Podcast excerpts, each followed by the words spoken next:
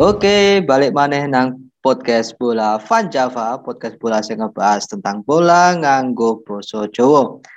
Uh, masih dengan saya sendiri Angga Alfian alias Pongge dan partner setiaku Bung Joyo. Kabarmu piye? Wah, kabar baik banget ya. AC Milan mengawali musim dengan clean sheet dengan kemenangan Terus mm -hmm. kiper main api, man of the match, jelas api kabar lagi. Tapi ra puncak klasemen ya. Oh enggak masalah. Ayo, kan okay. pokoknya menang di lah. Oke, okay, menang. Enggak enggak apa jenenge? Enggak ketinggalan ambil ADL. iya ya, dia menang lumayan gede. Eh, iya. Oke oke. Yuk di episode kali ini kita akan bahas tentang Arsenal. Jadi dua pertandingan terakhir di Premier League itu Arsenal mengalami kekalahan dan juga tidak mencetak satu gol pun. Uh, jadi kita pengen ngebahas soal Arsenal gitu di bawah kepemimpinan si Arteta dibandingkan ambek uh, kepemimpinan zamannya si Arsene Wenger ya. Oke coy ya. Iya. Tapi sebelum melangkah ke situ kita Arab ngomong ke iki transfer gosip-gosip transfer karena uh, sebentar lagi juga jendela transfer bakal ditutup.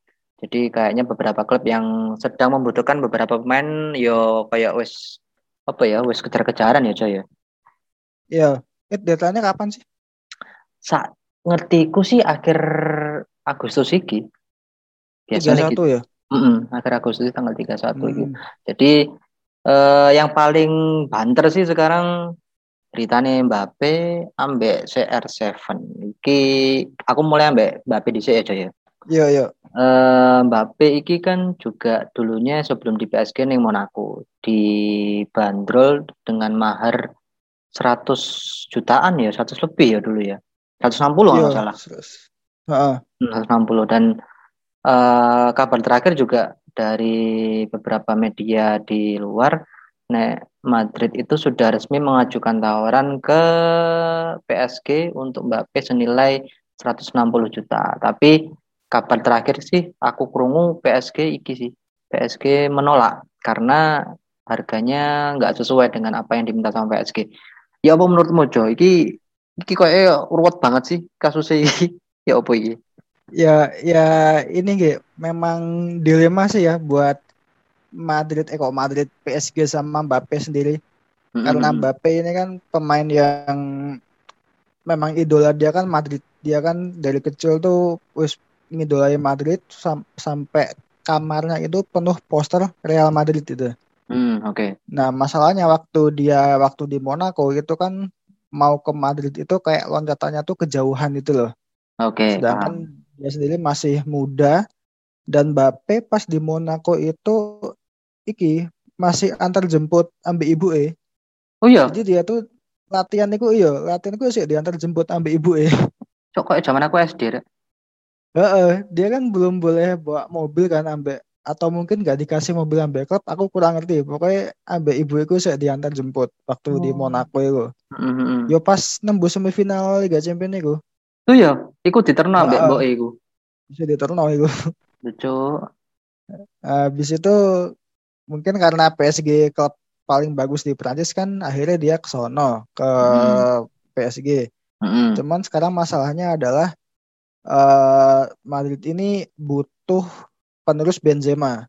Betul, betul. Sedangkan Madrid ini udah apa ya?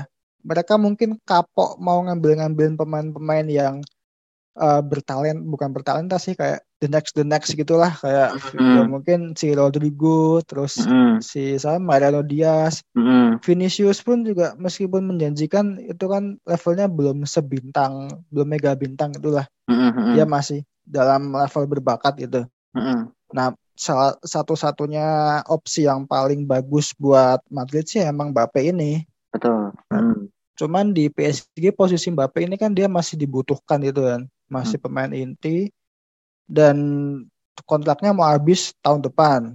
Okay. Musim depan kontrak ente.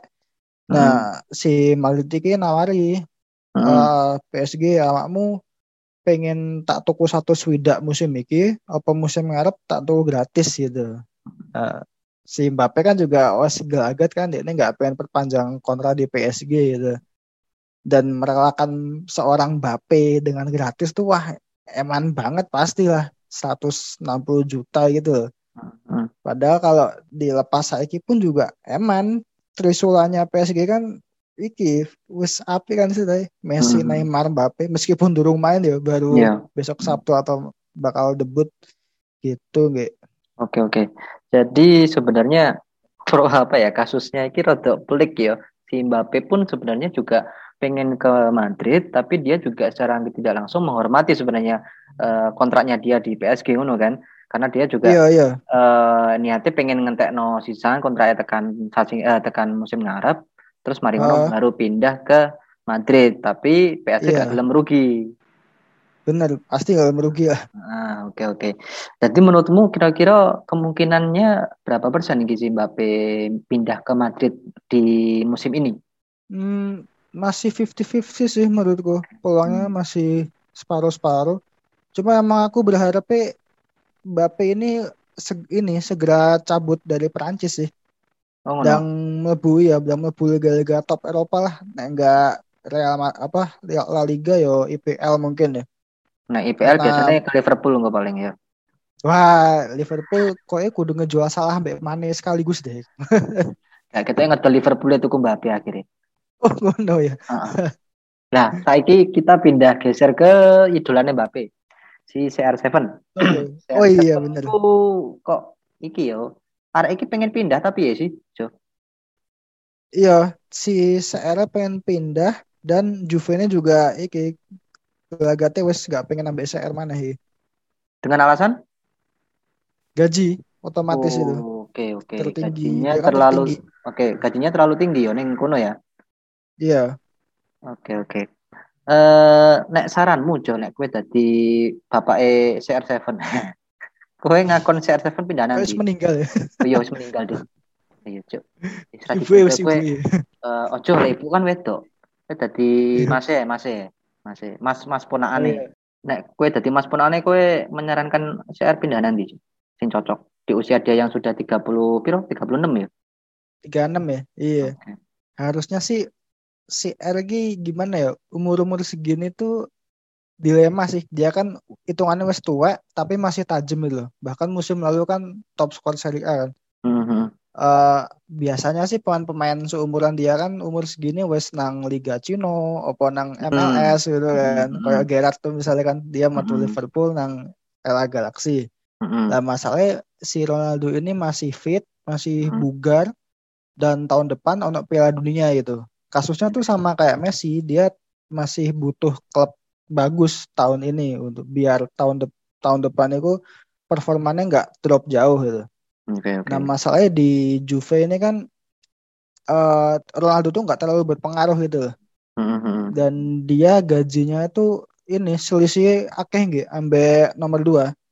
Gaji Ronaldo di Juve ku 30 juta euro semusim. Mm-hmm. Sing mm-hmm. peringkat dua itu Matis Delik 8 mm-hmm. juta. Uh, Jadi selisih hampir ya hampir empat kalinya Delik kan.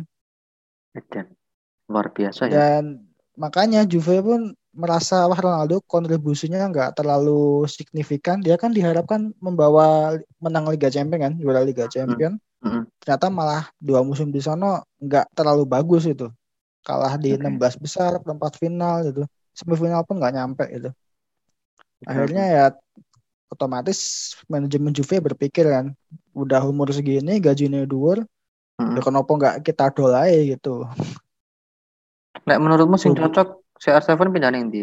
Hmm, uh, bakal asik nih dia balik ke iki sih MU. Ngono ya.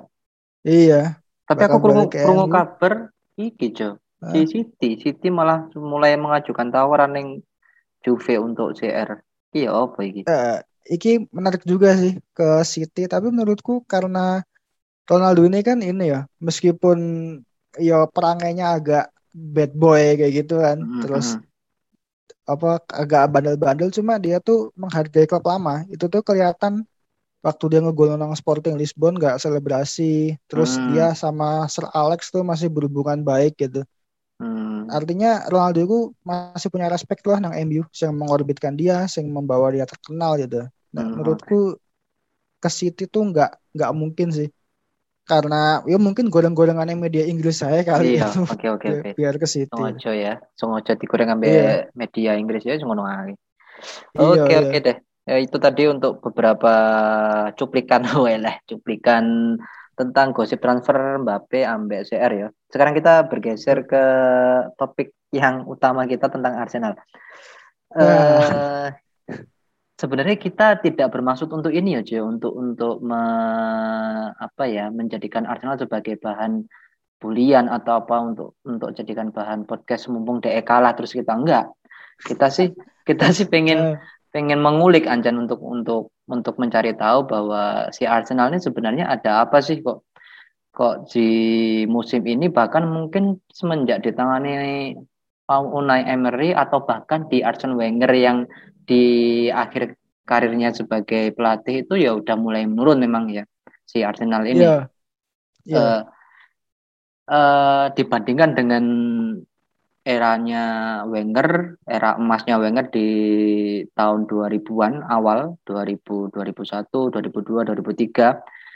iya, Eh, Ikuan beda banget ya Joy ya. Maksudnya dulu kan lumayan dieluk-elukan, saiki koyo dadi ajang iki klub-klub meme. Dadi iya. nanti meme Lebih Arsenal lebih itu. populer jadi meme. Iya, Iya, iku. Eh, Sebenarnya kenapa sih iki, Jo? Ada masalah apa sih di Arsenal iki? Menurutmu oke, piye? oke. Mm-mm. Jadi memang lagi ini ya Arsenal lagi nggak terlalu bukan nggak terlalu sih emang lagi jelek emang lagi Mhm. welek Mhm. nah masalahnya tuh ekspektasi itu juga membebani sih waktu di Arteta sekarang maupun Unai Emery oke. karena Arsenal ini kan klub gede yang udah nggak juara 17 tahun terakhir kan 2004 ya Mhm. sekarang 2021 2000 berarti 18 tahun musim ini Oke. mereka nggak juara dan itu jelas sangat mempengaruhi ini apa ya beban beban untuk main seenggaknya beban untuk menang masuk tiga empat atau dua besar lah gitu. Oke. Lah bedanya waktu kenapa Arsenal pas dipegang Wenger awal-awal itu bagus malah sempat invincible tahun 2003 2004 itu waktu itu ini eh, memang Wenger itu punya semacam racikan khusus lah di Arsenal tuh jadi kan dia datang dari Jepang. Waktu itu Mm-mm. dari Nagoya Grampus kan. Mhm. Dia waktu datang tuh nggak terkenal. Iki ki sopo. Pemain pun juga nggak ngerti gitu loh. Hmm, oke oke. Jadi aku mau moco ada kolom di Sky Sport itu ditulis Paul Merson. Paul Mhm. Merson itu legendanya Arsenal Iya, tahun mhm.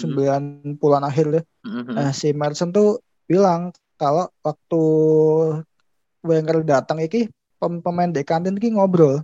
Iki ki sopo, arek toko Jepang ki sopo. Nggak sama sekali nggak terkenal gitu loh. Hmm, Nah. oke oke. Cuman waktu dia Wenger ke Arsenal nih dia langsung mengubah pola ini, pola makan, pola latihan pemainku diubah gitu. Oh gitu. Jadi eh, eh, di Inggris tuh kan ada culture kalau habis menang atau juara gitu kan minum-minum, terus Hmm. mabuk-mabuk, makan Hmm, food hmm. gitu kan. Mhm. Lah ambek ku diubah, itu gak oleh, sama sekali gak oleh gitu. Anu ya Jo, kayak diet ketat ngono ya Jo ya. Ketatnya tuh ketat banget gitu, sampai Iya. waktu Merson ini cerita atau aku baca di Gol kalau nggak salah. Jadi ketika pemain masuk ke tempat latihan itu Heeh. tuh wes ono ini fisioterapinya. Jadi Hmm. fisioterapi itu wes ngasih makanan awakmu dino iki makan iki minum iki gitu. Nah, Wenger tuh bilang aku nggak mempercayakan pemain ngatur dewe karena aku yakin mereka bakal lali gitu. Makanya aku naruh fisioterapi, wes aku bel diatur fisioterapi lah gitu. Mhm. Nah, si Paul Merson tuh bilang eh, kita tuh waktu diatur Wenger tuh wes koyok mesin. Jadi waktu datang tuh makan ABC gini-gini, makan vitamin, protein macam-macam, pulang istirahat, terus menil latihan mangannya podo maneh. Hmm, Oke oke. Nah, makanya itu berdampak ke fisiknya pemain-pemain si Arsenal. Jadi kalau kita lihat kayak Henry, terus Pires, Vieira itu kan awalnya Mhm. keceng-keceng kan, keceng-keceng dhuwur, tapi stamina kuat mereka. Mhm. Itu tuh memang salah satu ini salah satu apa faktor dari diet itu jadi ke apa efek ke postur tubuh tuh memang signifikan gitu Oke, oke. Hmm. Dan Wenger sendiri secara taktikal juga masih bisa mempertahankan pemain 30-an tahun kayak Berkam tuh masih Hmm. bagus meskipun cuma nyekor 4 tapi visinya Hmm. bener-bener sangat menunjang Henry yang waktu Hmm. itu nyekor 30 gol tuh 2004 Hmm. Hmm. itu. Nah, terus lagi nggak ada ini juga sih kayak isu-isu atau mungkin teori tentang Highbury. Jadi kan mainnya di Mhm. Highbury kan Arsenal itu. Hmm. Nah, Highbury kan cilik ya. Hmm. Lapangannya cilik, satu itu cilik. Hmm. Ada yang bilang kalau itu tuh juga pengaruh karena pemain Arsenal kan gede-gede. Hmm. Jadi ketika tim lawan datang ke Highbury, tuh rasanya lapangan sempit banget. Hmm, ya, Lapangan tuh cilik, pemain Arsenal gede-gede. Nah, itu susah banget buat dilewati. Jadinya sih ngono.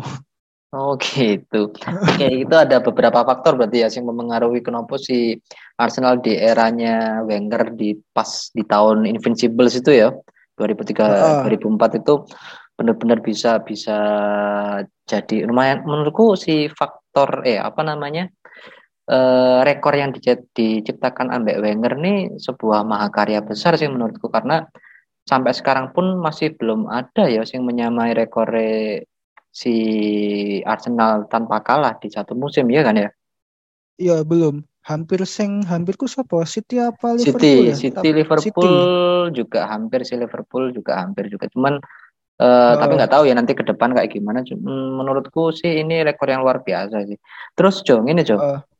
eh, sebenarnya apa sih yang harus dimiliki oleh eh, tim Arsenal yang sekarang ini yang diasuh sama Arteta itu opo yang harus dimiliki atau harus dicapai untuk bisa apa ya kembali ke performa yang dulu-dulu gitu loh. Seenggaknya sih menurutku yang paling mendasar tuh ini nggak ekspektasi di ya.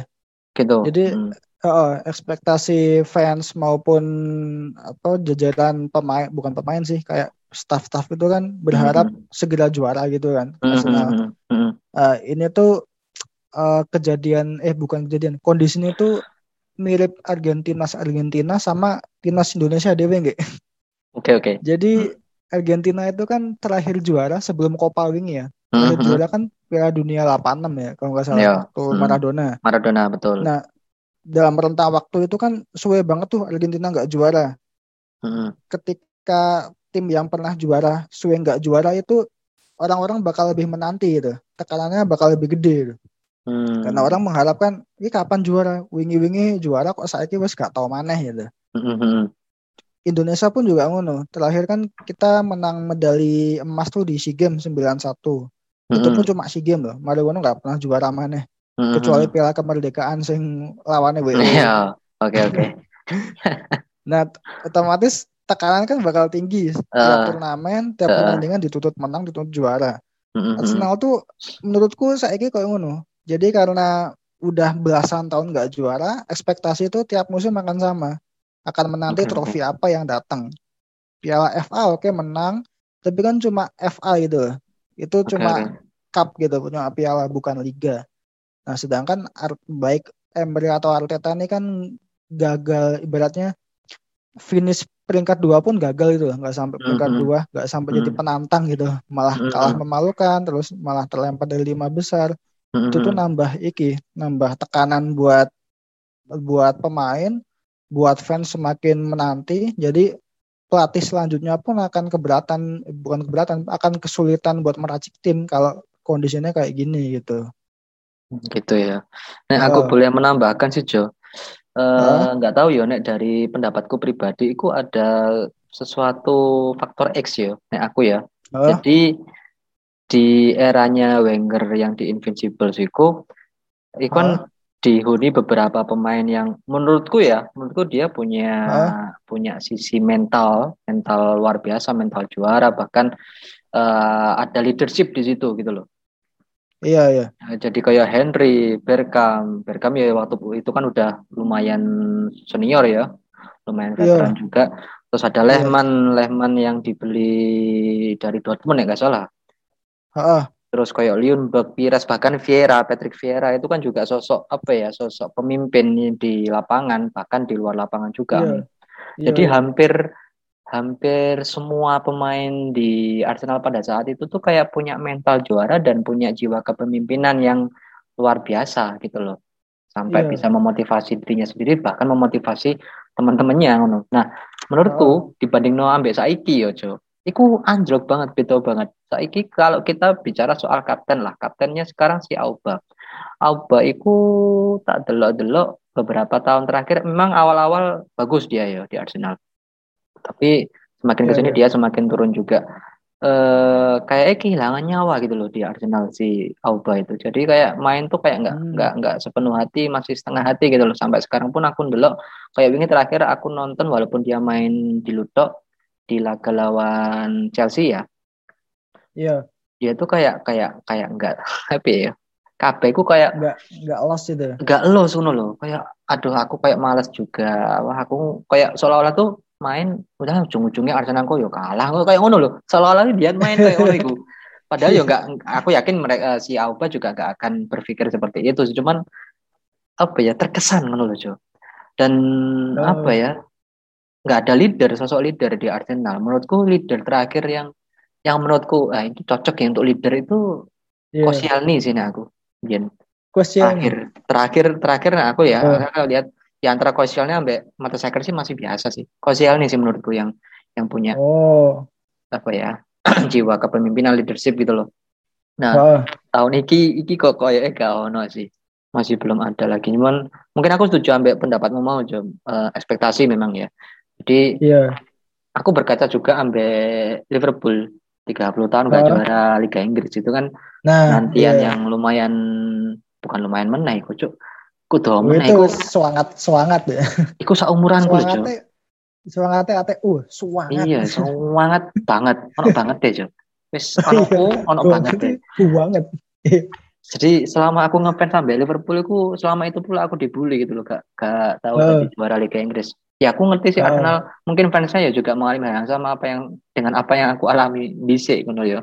Uh bahkan Liverpool sudah juara pun isih dibully. Wah Liverpool juara iki apa? Uh, covid. Iya iya. Aduh ikilah ya wes lah ya udah. Gimana pun mungkin mungkin benar sih.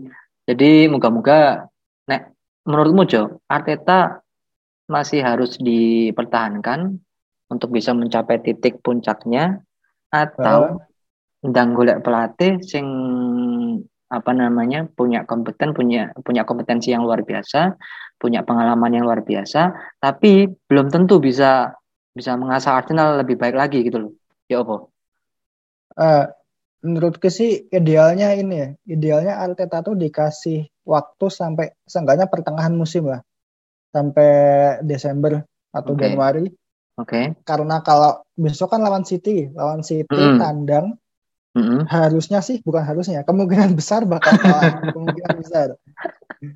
Cuma uh. gini, gini nggak kalau dipecat uh. itu kan uh, pelatih baru itu nggak punya apa ya? Pelatih baru itu nggak bisa beli pemain gitu loh. Jadi kan uh. misal Arteta dipecat, bisa transfer harus tutup gitu. Uh-huh. Nah pelatih baru ini bakal make pemainnya Arteta yang Betul. belum tentu cocok. Betul. Meskipun misal Arsenal ambil Conte lah misalnya, Conte uh-huh. kan lagi nganggur loh, diambil. Uh-huh belum tentu juga bakal sukses langsung sukses gitu. Hmm. Nah kalau Arsenal eh kalau Arteta dipecat uh, tengah musim hmm. itu pemain eh pelatih baru punya waktu buat beli pemain buat menyusun hmm. ulang gitu. Hmm. Nah masalahnya Arsenal nih manajemennya mau sabar nggak? Misal besok kalah sama City, artinya kan tiga kali pertandingan pembuka kalah terus. Hmm peringkat bawah pasti peringkat buncit. Mungkin hmm. juga masih tanpa gol. Nah itu masih hmm. mau nggak menanggung malu kayak gitu. Oke okay, oke okay. kalau mau sabar yo tuntas no akhir musim eh musim ini tuntasin sekalian. Ngono ya. Kalau tapi lanjut tuntasin. Gitu. Oh, ngono ya. Berarti dipertahankan sampai mungkin maksimalnya pertengahan musim ini. Nek misalkan semakin terpuruk yo mau gak mau yo kudu ya misalkan degradasi loh coy ya. Mending mending ganti pelatih yeah. itu tentang ganti pelatih aja soal degradasi ngono kan Iya, ini seru banget ya degradasi. Arsenal tuh belum pernah degradasi kan? iya, belum belum. Tapi jujur aja aku sebagai fans Liverpool pun juga anak mesake nih sebenarnya. Maksudku gini, hmm. si Arsenal ini kan manajemennya ya, manajemennya tuh juga agak lucu sih. Dia tuh beli pemain yang setengah jadi dengan harga yang luar biasa tinggi sih. Nah, Ya aku ngerti sih kayak Ben White sampai Ramsdale itu kan karena home ground Iya. ya. Cuman Iya. kan ayo ayolah cari yang lain lagi gitu loh maksudnya yang lebih kompeten lagi nggak harus home ground tapi eh, eh, udah teruji gitu loh yang udah jadi Eh. ojo sing setengah jadi. Terus Eh. ditambah meneh gaji gaji pemain yang Arsenal itu menurutku juga jor-joran Jo kayak Aubameyang tuh Iya. juga termasuk tinggi paling ya maksudnya termasuk tinggi lah hitungannya di situ. eh, Maksudnya dengan kontribusi dia segitu, tapi gajinya yang Oh. diterima uh, gede gitu loh. hmm. Eh 13 atau 15 juta gitu loh. Oh, yang ya, dia lumayan. dapat. Jadi kan lumayan karena memang sih nek aku baca-baca di Liga Inggris tuh Arsenal, terus Chelsea, bahkan MU pun ngasih gaji ke pemain tuh yang tidak berkontribusi besar loh ya. Itu Iya. lumayan jor-joran sih. Makanya itu aku juga heran sih ki manajemen kayaknya manajemen pun juga juga berpengaruh di sini gitu loh. Iya. Oh, no sih, Jo. Ono sing arep sampaikan mana, Jo? Tentang Arsenal iki, Jo. Apa ya? Semoga ya semoga ini lekas Hmm. membaik karena ses- sesama klub-klub pesakitan waktu Milan kan dulu juga pernah pesakitan. Ya aku ngerasa kira yang dirasakan Iya. fans Arsenal Gunners itu. Aduh, Iya, iya. bape bape welek mana welek kewalahan. Iya, ras rasanya mangkal sih memang ketika tim yang kita jago itu mainnya elek, terus tuku Eh. pemain yo gak jelas-jelas, pelatih kaya Eh. opo wah, itu emang emang jengkelin banget. Kayak aku zaman Roy Hodgson biyen, Oh, yang bola aku mangkal banget iku aku rek. Iku gitu. tapi awakmu nggih sebagai orang yang nonton IPL ki Hmm. Arteta dua musim terakhir ki ono gak sih kayak perkembangan atau progres? Kalau aku dilihat dari sisi permainan yo, em, kita nggak Oh. usah bicara data statistik lah, kita ngomongin soal permainan aja. Soal Eh, menurutku masih masih sama aja sih, walaupun nggak menurun sih, nggak menurun, cuman Oh. ae gitu loh. di Tapi tempat berarti. iya, tapi menurutku ada beberapa rising star, rising star yang kemungkinan bisa bisa apa ya punjuk gigi di musim ini kayak Emil Smith Rowe itu menurutku Oh. juga dia lumayan sih, lumayan. Cuman karena dia dikelilingi pemain-pemain yang tidak lumayan, malah jadi Nah, akhirnya melok melok gak lumayan akhirnya deh. Ya wis lah. bener bener. Ya Ah. setuju setuju. Tapi aku ndek firasat, Jo. Iki kan Arsene Wenger itu sukses di tahun 2003 dengan Invincibles-nya dengan Arsenal ya kan. Podo-podo Iya. Arsenal, Ar, Arsen, Arsen itu, Arsenal di sini Iya. Arsen. Nah, iki Arteta loh, Ar, podo Are. Eh, mungkin aja ini ini awal mula kan juga Arsene Wenger dulu juga nggak langsung sukses kan di Arsenal kan, butuh proses. Iya iya. Coba Ah. ngerti iki podo-podo Are kan. Nah, Iya. Bu iki. Oh, no sih. Oke, oke. Eh. Oke. Jadi kemungkinan Arsenal musim ini masih masih gitu-gitu aja ya, Jaya. Kemungkinan nggak eh, apa ya Iya. kalau bisa dibilang untuk jadi pesaing juara masih berat ya. Ya mungkin iki nggak kandidat kuat juara Piala Karabau. Piala Kerbau. Kepu. Iya, wis oke lah pokoknya. Yang penting itu tadi ya berarti Jo mungkin ekspektasi kita atau orang-orang yang jadi fansnya si Gunners itu jangan terlalu tinggi ya eh, untuk berekspektasi ke Arsenal ya. Iya mungkin dilihat inilah Arteta seenggaknya sampai tengah musim kayak gimana gitu. Nek Hmm. Anjana wes welek ya wes yang iki dan apa tok tok no slogan Arteta out wes. Wis paling gak main api dhisik ya ngono ya. Ya ya benar benar. Oke oke. Oke, kanca-kanca kabeh ngono ae dhisik untuk episode kali ini bareng aku ambek Joyo. Eh, oh ya, eh, ada info baru juga ya Joyo untuk Liga Indonesia Liga 1 nanti di akhir musim eh akhir musim ya. Akhir minggu iki wis mulai. Iya. Iya. Itu benar. juga kabar yang baik bagi kita semua. Walaupun jujur aku sudah lama tidak mengikuti Liga Indonesia, tapi aku mencoba untuk mengikuti karena apa ya? Sebenarnya Liga Indonesia ini menarik. Tapi Oh. sing garai orang menarik iku nek ricuh, nek rusuh, nah iku lho. Aku sing mangkel Iya gitu. iya. Makanya aku jarang nonton kan dulu-dulunya gitu. Soalnya kan juga suwe nggak main gitu. Jadi kan suwe nggak ngikuti ya karena nggak ada pertandingan. Oke lah, ya semoga-moga ini nanti di Liga 1 musim ini bisa berjalan lancar, terus sesuai dengan harapan penonton bola, pencinta bola Indonesia. Jadi kita bisa menikmati yeah. sepak bola Indonesia seperti sedia kala lagi. Dan semoga nanti pandemi segera berakhir, penonton iso mlebu stadion, tapi semoga betul, juga betul. Uh, tidak ada ricuh lagi atau rusuh lagi di dalam stadion maupun di luar stadion. Ngono ya, Jo ya. Harapan ya, kita. Oke, oke. Okay, okay. ya. Oke, okay, thank you semuanya. Matur nuwun kabeh sudah mendengarkan podcast kami. Uh, sampai jumpa di next episode. Nanti kita bahas hal yang seru-seru lagi di sepak bola dunia nganggu boso Jowo. Oke, sampai ketemu lagi di episode selanjutnya. Salam bola Van Java. Salam bola Van Java.